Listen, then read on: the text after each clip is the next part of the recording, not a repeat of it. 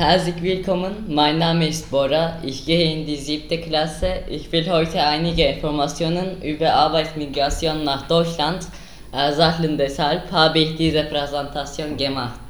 Jetzt fangen wir mit dem Arbeitsvertrag zwischen Deutschland und der Türkei an.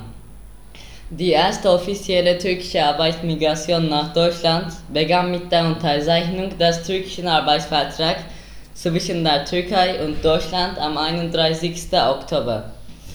Hier ist der Bahnhof Sirkeci in Istanbul. Sie fahren nach Deutschland. Hier ist der Bahnhof Wolfsburg.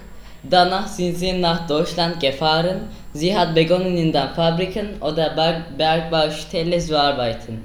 Hier sehen Sie die Tür Türken in dem Bergwerk und in der Fabrik. Was ist der Begriff Gasarbeiter? In Deutschland nannte man die Arbeitskraft aus der Türkei Gasarbeiter.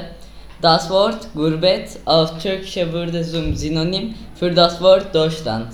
Als die Zuwanderung offiziell eingestellt wurde, hatte die Zahl der türkischen Arbeiter in Deutschland 1 Million erreicht. Die Gastarbeiter in Deutschland.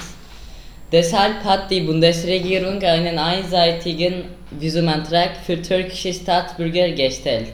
Wegen der aus der Türkei nach Deutschland strömenden Wirtschaftsflüchtlinge. Die Türken verzögerten ihre Rückkehr.